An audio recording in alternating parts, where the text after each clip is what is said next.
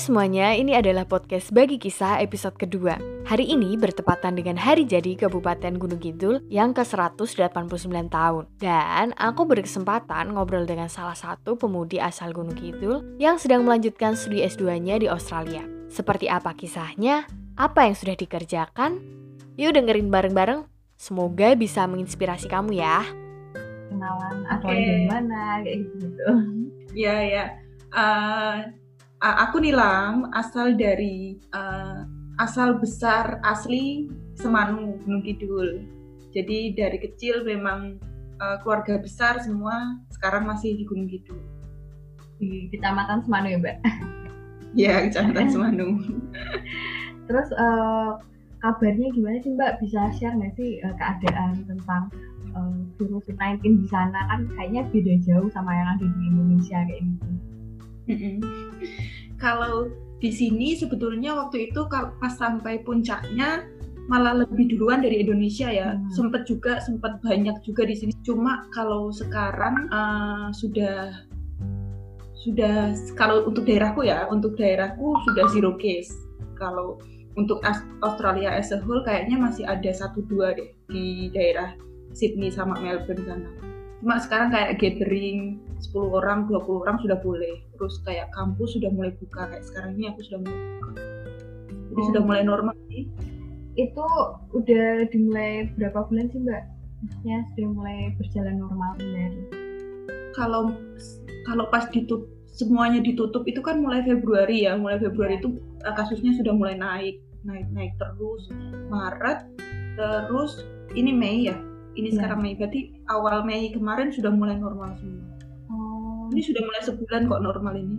berarti kayak public space juga udah mulai dibuka gitu ya mbak kayak sekolah-sekolah Eh, kayak misalnya restoran itu Ya. boleh boleh makan boleh dine in tapi cuma 10 orang gitu jadi kita biasanya reserve dulu kalau sudah Oh. 10 orang sudah nggak boleh gitu berarti Jadi ya cuma 10 orang tetap menerapkan protokol kayak pakai masker dan bawa hand oh masker enggak kalau Australia enggak? nggak pernah nggak pernah suruh pakai masker sih. Oh jadi iya masker itu cuma untuk orang sakit aja. Kalau kita nggak sakit nggak pakai masker. Kalau di sini toh pernah kalau kita sudah mukanya Asia iya. terus kita pakai masker terus di bus gitu iya. itu sudah dilirik-lirik gitu. Sudah kayak "Hmm, siapa nih? Siapa nih? gitu, gitu. Oh, jadi lebih baik nggak pakai masker sih kalau mukanya Asia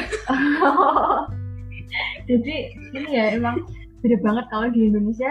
Sekarang tiap orang mau keluar rumah langsung pakai harus pakai masker. Kalau enggak di Iya. beberapa daerah kan juga didenda kayak gitu. Iya tapi dulu dendanya mahal sih kalau misalnya iya. ada yang misalnya dari pulang dari luar negeri. Kan kita Iya. kan kebijakannya dulu kalau pulang dari luar negeri harus karantina 14 hari kan? Iya. Kalau kamu ketahuan misalnya dalam 14 hari itu kamu keluar rumah karena kan karantinanya mandiri keluar rumah ketahuan itu dendanya bisa sampai 50 juta kalau rupiah Iya sih ya. Mungkin karena itu juga sih Mbak di sana orang-orangnya langsung kayak tertib ya. Kalau di sini ya apa sih peraturannya itu masih agak longgar. Jadi masyarakat tuh kalau yang memang karantina karantina, tapi masyarakat pada umumnya masih ada beberapa yang berkumpul kayak gitu-gitu kan banyak banget gitu kasusnya.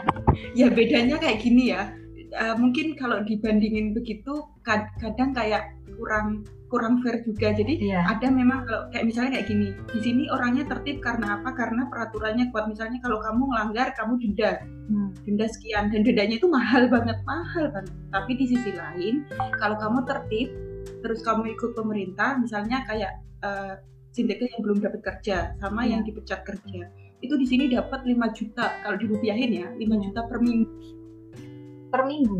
berarti iya berarti 20 juta per bulan itu Hmm. untuk in- insentifnya mereka jadi mereka pasti mau stay at home karena dikasih uang Oh, iya. banyak Iya. jadi ya, ya ada sisi-sisi gitu sih nggak bisa dibandingin apple to apple sama Indonesia karena Iya. pemerintahnya juga baik terus apa peraturannya juga memang ketat gitu Iya, kalau dari sisi jumlah warga negara juga kan itu perbandingannya jauh banget sih Mbak. Jadi- iya betul. Ah, banyak banget gitu terlalu Ya. besar. terlalu besar. Kayak gitu. Oke jadi itu kabarnya Mbak Nilam sekarang asalnya dari Semanu kayak gitu. Nah nanti sebelum kita jauh ngobrol lagi sebenarnya aku sudah eh, mencari tahu tentang eh, Mbak Nilam ini tuh apa sih yang sudah dikerjakan selama beberapa tahun terakhir kayak gitu.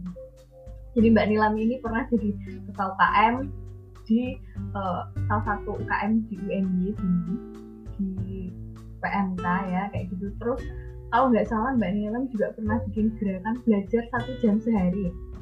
Dulu waktu kuliah waktu masih S1 terus juga uh, salah satu foundernya RBIB Rumah Belajar Indonesia Bangkit ya teman-teman. Jadi itu ada di Bantaran Kalibode. Sekarang usianya sudah 7 tahun dan diteruskan sama volunteer yang ada di Jogja mahasiswa aktif yang sekarang ada di Jogja. Kemudian lulus kurang lebih tiga setengah tahun dengan predikat cum setelah itu ikut SM3T di Kalimantan Utara Mbak Nilam juga pernah ya teman-teman semua uh, dua kali masuk di berita online. Salah satunya di IDM Times uh, itu tahun 2017 juga uh, dengan judul itu tinggalkan kemewahan kota demi pendidikan pedalaman. Itu semuanya di situ ada kalau teman-teman penasaran seperti apa Mbak Nilam nanti juga bisa dilengkapi buat baca. Terus Mbak Nilam akhirnya juga pindah ke Bajawa di Nusa Tenggara Timur bikin rumah belajar visioner. Kemudian 2016 menikah, 2017 ini menerima Australia Award Scholarship. Kemudian sampai sekarang masih menyelesaikan S2 uh, Master of Education di University of Adelaide. Bener nggak sih Mbak bacanya? betul betul. Kayak gitu. Nah dari perjalanan ini, misalnya mau dibahas satu-satu dulu. Yang menarik itu adalah bikin gerakan belajar satu jam per hari. Itu benar atau enggak sih Mbak? Uh, gini, karena dulu itu kan waktu S1 itu kan serba excited ya. Maksudnya yeah. pengen kegiatan ini, kegiatan itu, kegiatan ini, kegiatan terus kegiatan itu kan sampai malam. Gitu. Yeah. Kadang waktu sudah ini terus malam terus kadang itu ya mau nggak mau karena kan punya target pribadi kan. Karena hmm. dulu tuh ya sebenarnya aku ini orangnya ya sedikit ambisius gitu nggak sedikit sih banyak. Hmm. jadi jadi pengen tetap ya pengen tetap bisa ngikutin uh, ke, apa pelajaran di kampus gitu. Jadi ya mau nggak mau tetap harus baca tetap harus belajar gitu. Itu sebetulnya cuma uh, roughly aja ya roughly sejam. Kadang ya lebih dari sejam gitu. Tapi ya uh, memang aku uh, alokasikan waktu gitu untuk belajar. Jadi ya belajar itu, itu luas ya.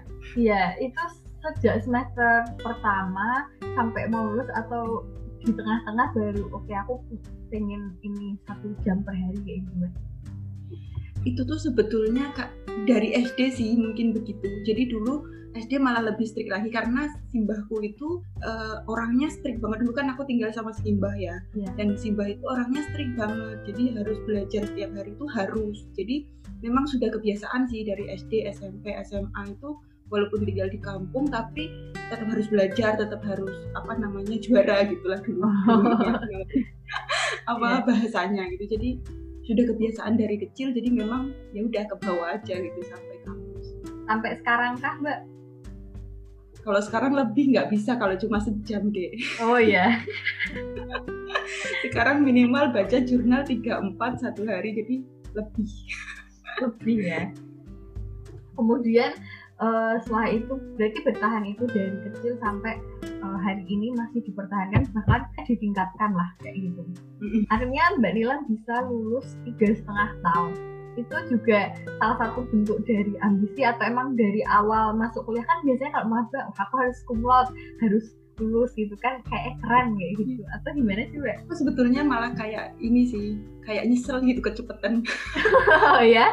Karena apa mbak? Kalau boleh tahu. Jadi sebetulnya masih banyak yang mau dinikmati di dunia kampus cuma dulu kayak uh, malas aja gitu kerja riset selama-lama. Jadi dulu itu kayak aku kerja penelitian itu cuma enam bulan mungkin ya.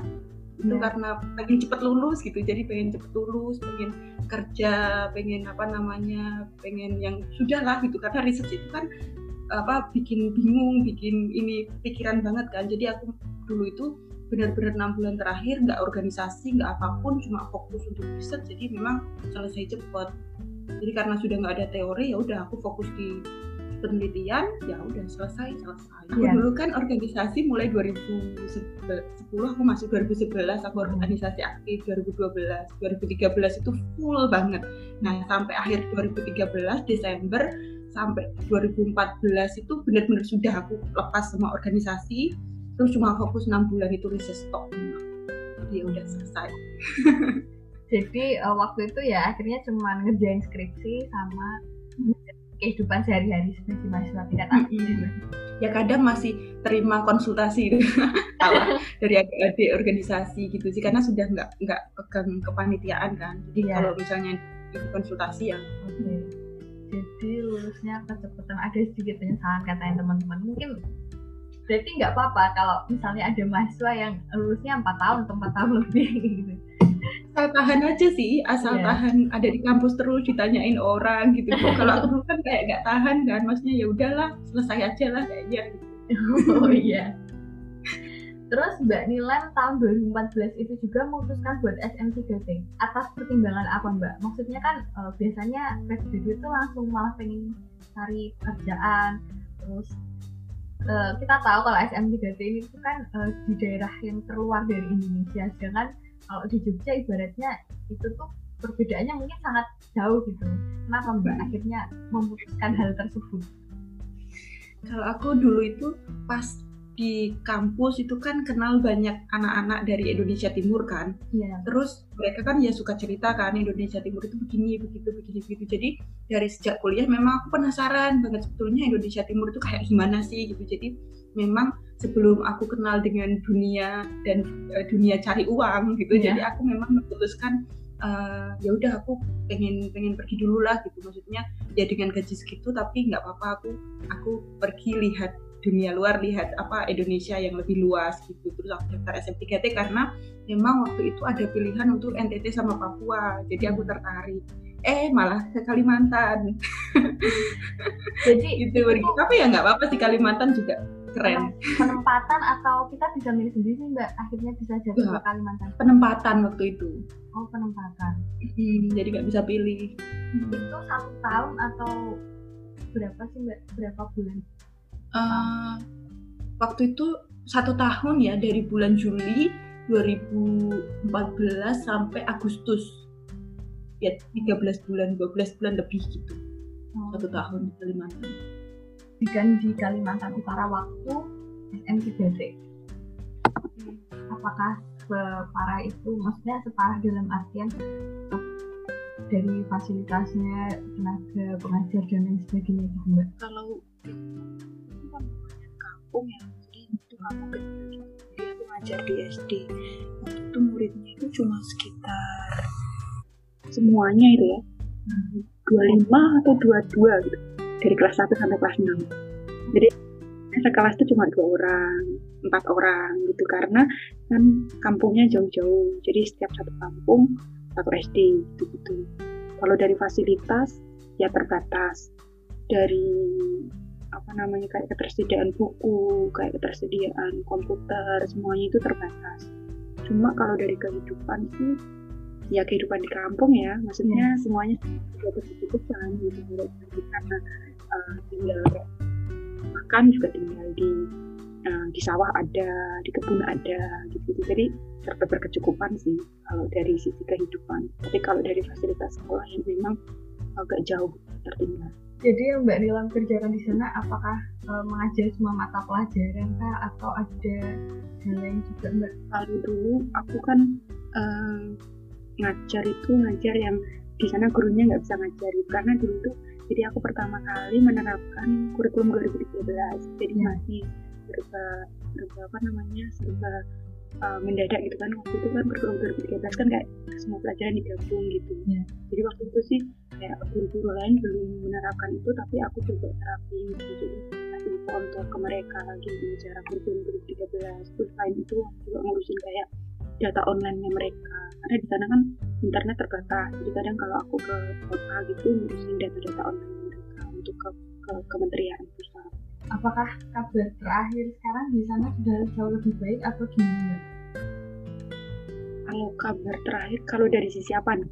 Eh, ya dari tadi eh, mungkin eh, gurunya dari tenaga pendidiknya kemudian apakah ada penambahan siswa juga atau tetap di angka-angka ya 25 30 Kalau- gitu.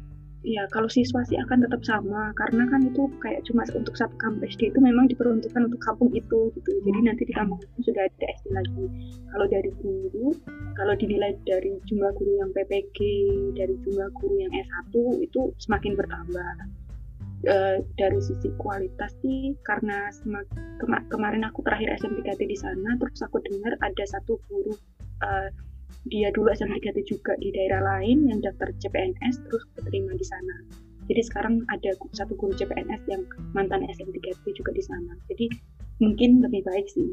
Jadi apakah ini juga trigger uh, eh, SM3T ini adalah trigger Mbak Nilam kemudian uh, pindah ke Bajawa juga karena hal yang sama dilihat ternyata gitu atau ada hal lain dan kenapa itu di NTT kayak gitu ya karena kayak ceritaku dari awal kan dari dulu memang aku ini kayak uh, pengen banget gitu ke Indonesia Timur lihat yeah. tuh lihat dengan mata kepala aku sendiri seperti apa sih kondisinya. Terus karena memang waktu itu SMPKT belum belum ke Indonesia Timur masih ke Indonesia Tengah gitu walaupun mungkin keadaannya hampir sama cuma masih pengen gitu. Jadi jadi selepas SM3T waktu itu kan ada tawaran beasiswa PPG akhirnya aku lepas. Kan teman-teman SM3T kan uh, habis itu kan langsung PPG cuma aku nggak ikut PPG tapi aku pergi ke Jawa waktu itu ke NTT karena memang pas ada kesempatan dan ya itu NTT gitu dan itu kampung juga jadi ya udah pesan itu uh, ke Jawa kenapa bisa tahu gitu ya mbak ataukah ada link sebelumnya atau gimana karena kan uh, mungkin secara umum itu kan itu jauh terus itu juga bisa sampai ke sana. Waktu itu tuh sebenarnya sih Mas Franky suamiku sekarang yeah. yang duluan ke Bajawa kan. Terus yeah. waktu itu memang kita timbang antara dua tempat antara Malino atau Bajawa. Terus uh, memang uh, banyak linknya, terus banyak kesempatan yang kira-kira kita bisa buka non formal educationnya lebih di Bajawa jadi waktu itu memang uh, apa namanya kita pertimbangan pertimbangan semuanya ya Bajawa lebih kuat dan akhirnya kita ya bangun di Bajawa aja di rumah belajar visioner ini sebenarnya yang dikerjakan apa aja sih mbak atau cuman uh, belajar yang seperti apa yang ingin mbak uh, Nilam terapkan di sana dan sampai sekarang ini? Kalau konsepnya itu sebetulnya kayak sosiopreneur. Jadi ini nih uh, kita sebenarnya kayak buka les-lesan biasa gitu ya kayak di hmm. Jawa kayak misalnya ada les-lesan yang besar neutron terus ada primagama lain sebagainya gitu kalau di Gunung Kidul ya nah itu kayak kayak gitu cuma uh, selain itu kita juga kayak buka uh, library gratis apa perpustakaan gratis hmm. untuk anak-anak sekitar juga kalau misalnya mereka kurang mampu bayar kita kayak ada alokasi untuk beberapa anak kita kasih les secara gratis gitu. Terus kayak di hari Sabtu kita biasa kasih uh, apa kursus bahasa Inggris gratis untuk anak-anak itu karena di situ kan juga daerah wisata. Hmm. jadi uh, banyak banyak banyak banget bule-bule datang di situ dan kadang anak-anak terbatas untuk ngomong sama mereka. Padahal kan mereka juga bisa apa namanya promote uh, daerah wisata mereka. Jadi kita ngajarin bahasa Inggris sama mereka di, itu uh, daerah wisata yang seperti apa mbak? Pantai kah gunung kah atau apa sih mbak yang kalau di sana? kalau Bajawa itu kan letaknya kalau di Pulau Flores kita itu kan di tengah-tengah itu di tengah-tengah Pulau Flores. Jadi biasanya uh, bule itu dari Bali mereka ke Lombok terus mereka ke Labuan Bajo ke Pulau Komodo itu tahu ya Pulau Komodo. Tahu, terus uh, ada ke kampung adat di Manggarai di Ruteng terus di Bajawa itu kita itu kan tempatnya di gunung tinggi. Jadi kayak ada uh, apa namanya kampung di atas awan gitu-gitu. Terus ada kampung adat juga pantai juga ada gitu. Terus nanti di Ende ada danau tiga warna itu. Gitu. jadi itu sih wisatanya. Kan sih? Saya jadi pengen sih mbak Waktu saat nanti mungkin ya. Seru itu. Seru untuk berwisata. Itu kalau kuat Mm, kalau kuat ini jalan darat itu karena kan jalan darat lebih seru ya cuma yeah. ya iya. mabuk di jalan kalau aku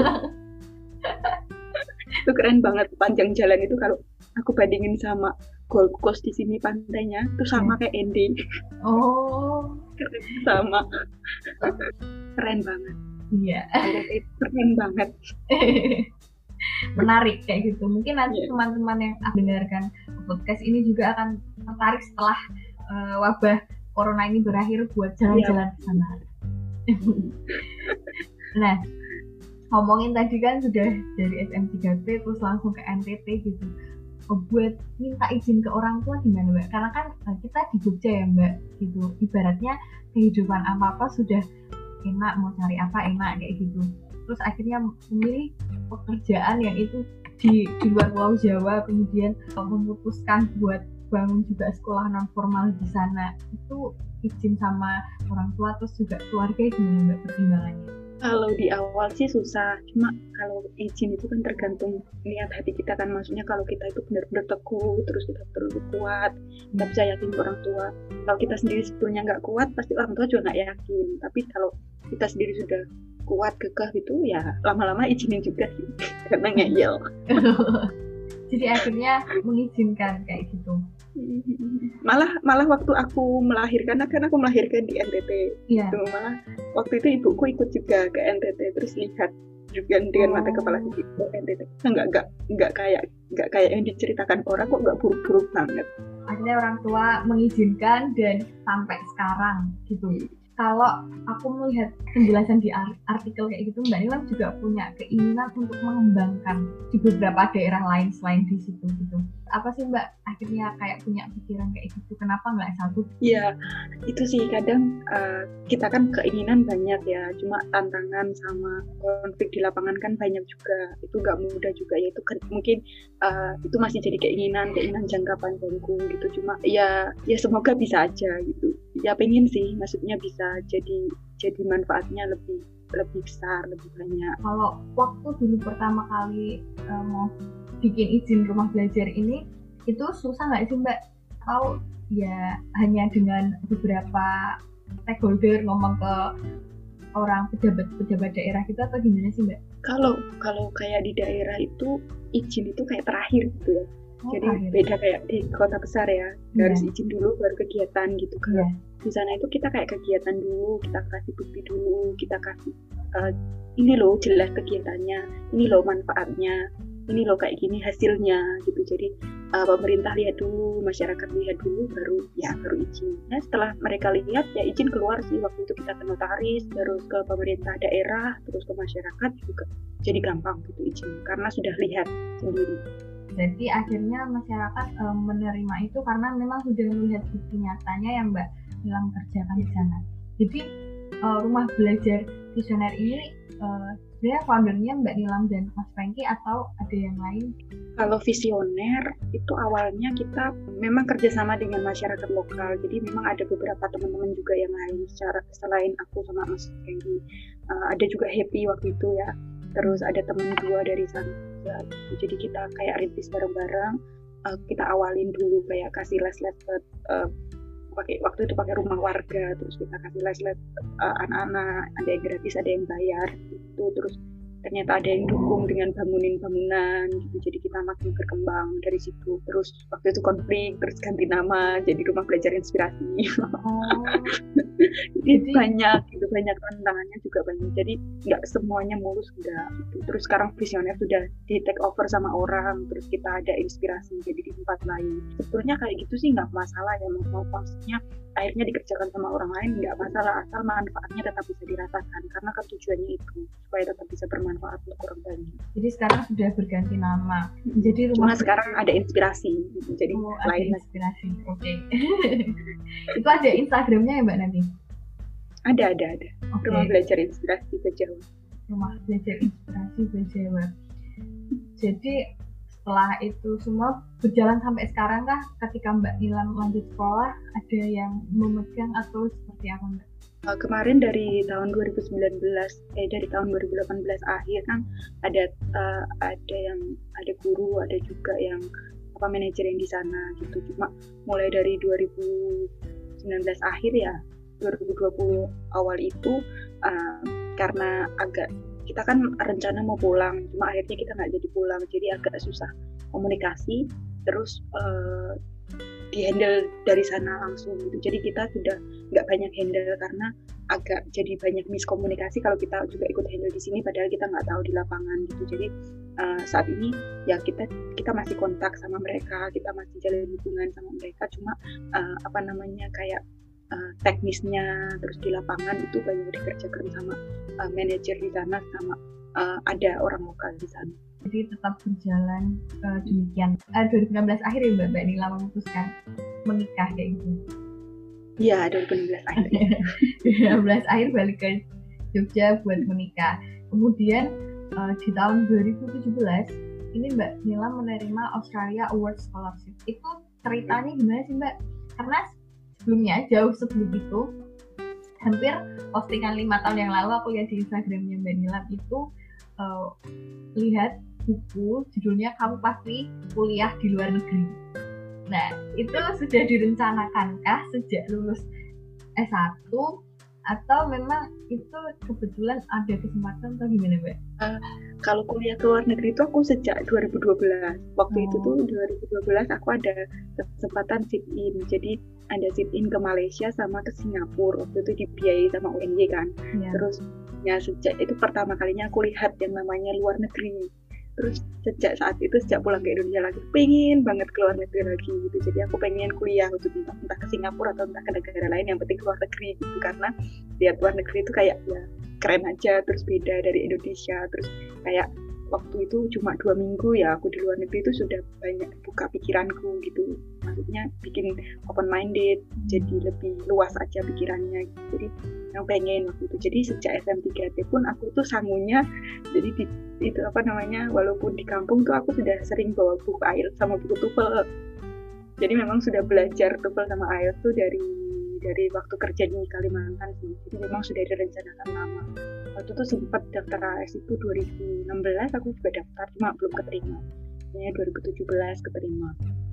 Terus ada uh, perginya 2019 itu uh, kenapa Australia mbak? Kenapa uh, maksudnya enggak negara yang lain?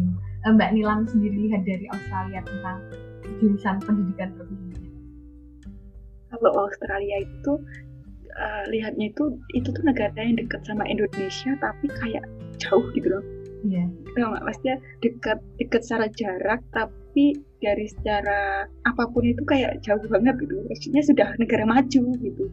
Sudah negara maju, maju banget tapi dekat gitu. Jadi tetap dekat dengan Indonesia tapi sudah bisa merasakan yang namanya negara maju. Terus memang dari uh, segi pendidikan semuanya kan bagus di sini. Jadi uh, ya pengen sih memang Australia itu kan termasuk dengan Europe sudah bisa compare sudah sama gitu dengan Europe. Cuma ini masih dekat dengan Indonesia. Untuk jurusannya sendiri uh, bisa diceritain nggak sih mbak? Apa bedanya waktu S1 sama dengan S2 sekarang? Bedanya kalau sekarang kayak belajar educationnya itu kalau dulu aku belajar education di di S1 itu kayak lebih praktikal gitu ya.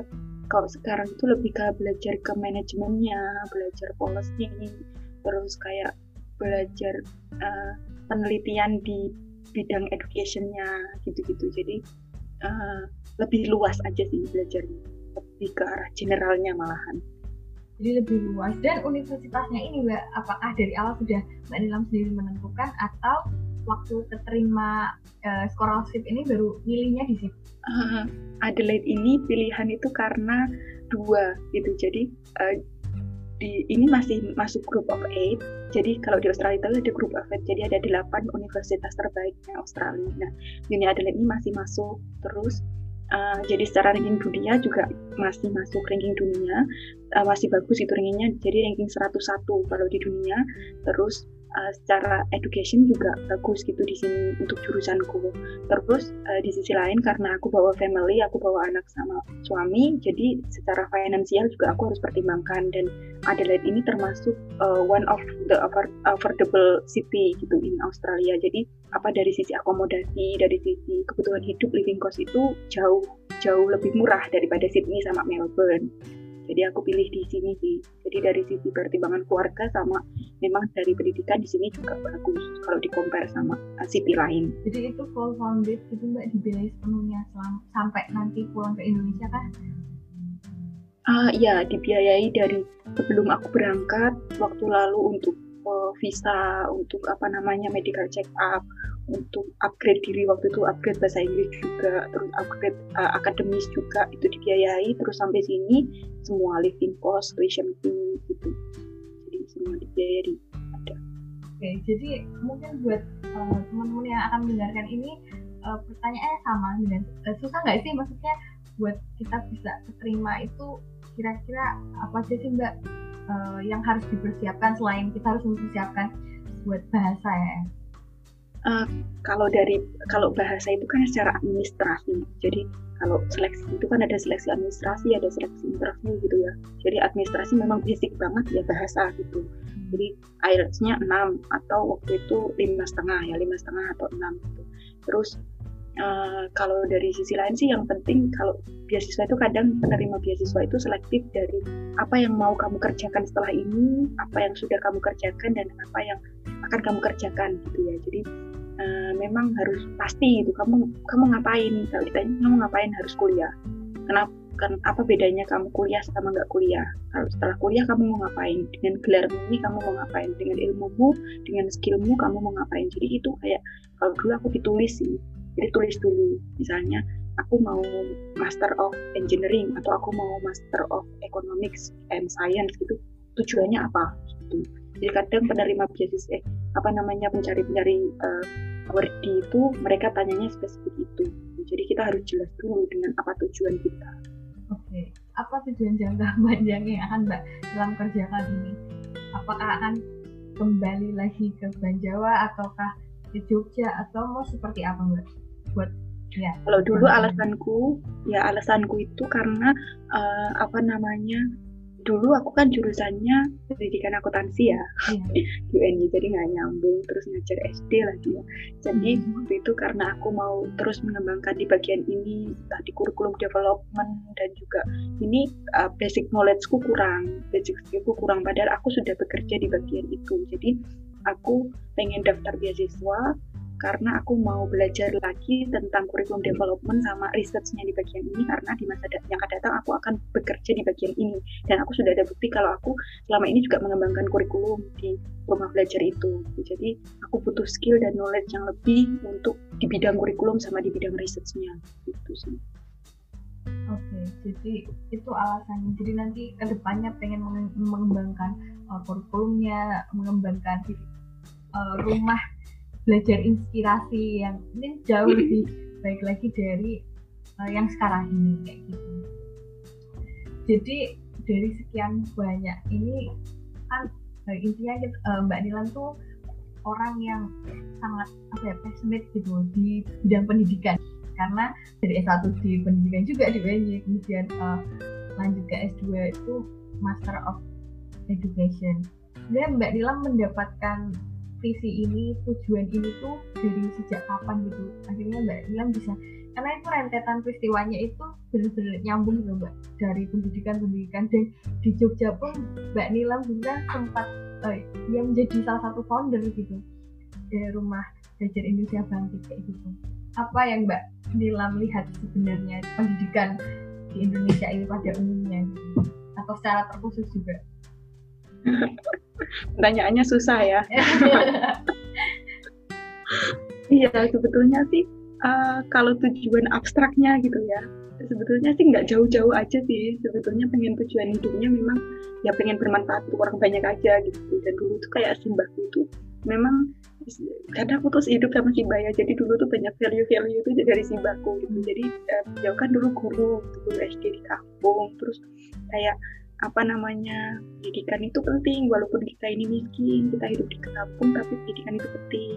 Jadi kita itu um, um, apa namanya menyediakan kesempatan-kesempatan pendidikan untuk uh, banyak orang itu penting gitu. Karena uh, ya uang bisa dicari semua bisa dicari tapi itu tuh melalui semua melalui pendidikan gitu. Jadi itu sih dari dulu memang value-value tentang sekolah tentang uh, mendidik anak.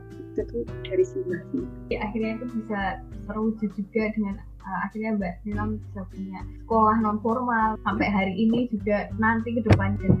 Ini pertanyaan ya bukan belum terakhir cuma ada satu pertanyaan lagi. Gangan hidup seperti apa yang nilai-nilai seperti apa yang Mbak Nilam pegang itu akhirnya bisa tetap pada jalur oke okay, aku akan mengerjakan di bidang pendidikan. Ya itu tadi sih yang kayak aku bilang kayak gitu. Maksudnya uh, selalu value bermanfaat bagi orang itu selalu ada gitu. Jadi uh, entah sekecil apa pun gitu waktu dulu waktu dulu di Jogja kalau misalnya memang bisanya waktu itu di Kalijode ternyata kita kan backgroundnya pendidikan terus kita bisa ngajar seminggu dua kali ya udah kita lakukan. Itu kecil cuma waktu itu sejam sampai dua jam itu kan kecil banget ya. Tapi ya itu bermanfaat untuk mereka ternyata sampai sekarang diteruskan itu bermanfaat gitu terus kayak uh, dulu SM3T juga ngajar anak SD yang berapa sih? 27 orang gitu. Ngajar yang satu sekolah cuma sedikit di kampung lagi. Tapi kalau itu bermanfaat dan ternyata itu mengubahkan mereka itu bisa apa namanya masa depan mereka itu kayak gini loh. Ingat terus mereka pernah diajar sama guru dari Jawa pernah terinspirasi sesuatu dari sana. Jadi kadang hal kecil itu ya ternyata bermanfaat jangka panjang sama mereka. Itu kan seneng ya maksudnya hmm. denger-denger kayak gitu terus kayak di Bajawa walaupun mungkin ya nanti setelah ini uh, karena banyak banget sebetulnya tantangan untuk meneruskan di Bajawa itu banyak banget jadi uh, setelah ini pun kalau misalnya itu masih tetap uh, terus ataupun nggak terus itu eh, maksudnya aku ataupun nggak aku yang meneruskan tapi selama itu masih bisa bermanfaat bagi banyak orang itu it's okay gitu. Itu bukan tentang uh, namaku atau nama siapa gitu. Tapi yang penting maksudnya uh, itu ada walaupun ganti nama ganti bentuk tapi selama itu tetap ada dan bermanfaat bagi orang banyak sih it's okay gitu. Jadi itu sih maksudnya value-nya tetap ya sekecil apa pun bisa bermanfaat bagi orang banyak. Keren ya teman-teman. Mungkin yang kamu dengarkan juga terinspirasi. Ini loh Wong Gunung Kidul asli orang Semanu yang yang berani bermimpi sampai sekarang bisa meraih satu demi satu ya mbak. Mimpinya bisa teraih kayak gitu. Entah nanti seperti apa yang akan dikerjakan pasti banyak orang yang akan mendukung mbak Nilam karena ya nilai kebermanfaatan itu yang uh, harus dipegang gitu. Nah ini sebelum kita mengakhiri ngobrol-ngobrol santai ini mbak ada ada pesan nggak mbak buat teman-teman anak muda di luar sana yang untuk bermimpi dalam kondisi yang terbatas itu ada pesan nggak mbak?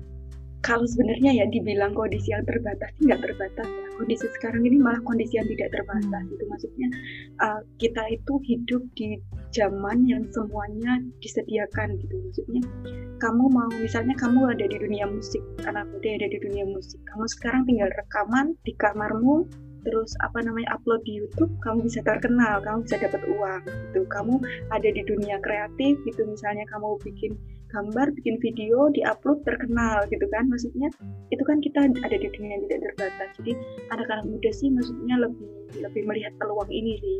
Kita itu ada di, di zaman yang peluangnya banyak. Kalau kamu mau kuliah ke luar negeri, kamu tinggal uh, belajar bahasa Inggris, kamu di apply, kamu mau belajar untuk tentukan tujuan hidupmu gitu. Terus uh, kamu apply beasiswa banyak banget beasiswa yang di luar sana nggak cuma di Australia di Eropa semuanya banyak. Dari dalam negeri dari luar negeri semua banyak.